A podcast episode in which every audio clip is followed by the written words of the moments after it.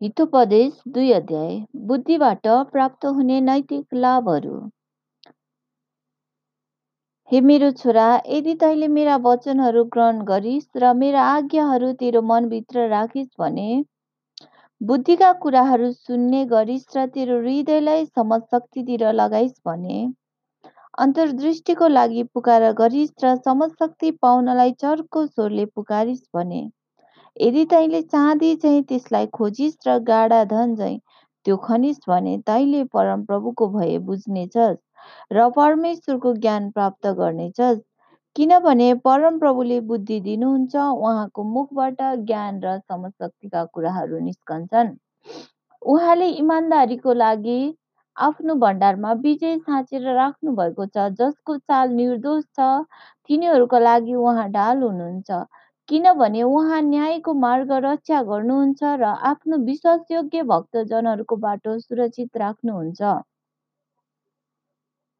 तब ठिक र न्यायसङ्गत र उचित को हो? साथै हरेक असल मार्ग के हो तैँले बुझ्नेछस् किनभने बुद्धिले तेरो हृदयमा प्रवेश गर्नेछ र ज्ञान चाहिँ तेरो प्राणको लागि आनन्ददायक हुनेछ।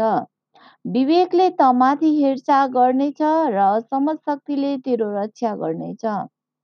बुद्धिले तँलाई दुष्ट चालहरू र छली कुरा गर्ने मानिसहरूबाट जोगाउनेछ। त्यस्ताहरू इमान्दारीको चाल त्यागेर अन्धकारमा हिडुल गर्छन्। तिनीहरू खराब काम गर्नमा प्रसन्न हुन्छन् र दुष्टको बदमासी दुष्ट चाहिँ बदमासीमा रमाउँछन्।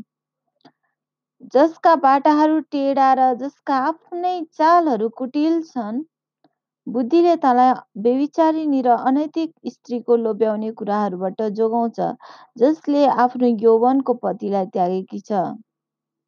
र परमेश्वरको सामु आफूले बाँधेको करारको व्यवस्था गरेको छ।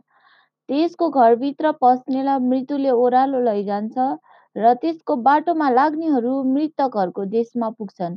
त्यस स्त्री कहाँ जानेहरू कोही पनि फर्केर आउने छैन न त त्यस्ताहरूले जीवनको मार्ग नै भेट्टाउनेछन्।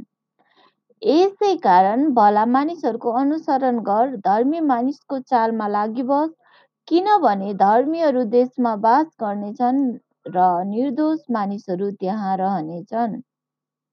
तर दुष्टहरू ज देशबाट जरै समेत उखेलिनेछन् र विश्वासघातीहरू झार चाहिँ फ्याँकिनेछन् Amen.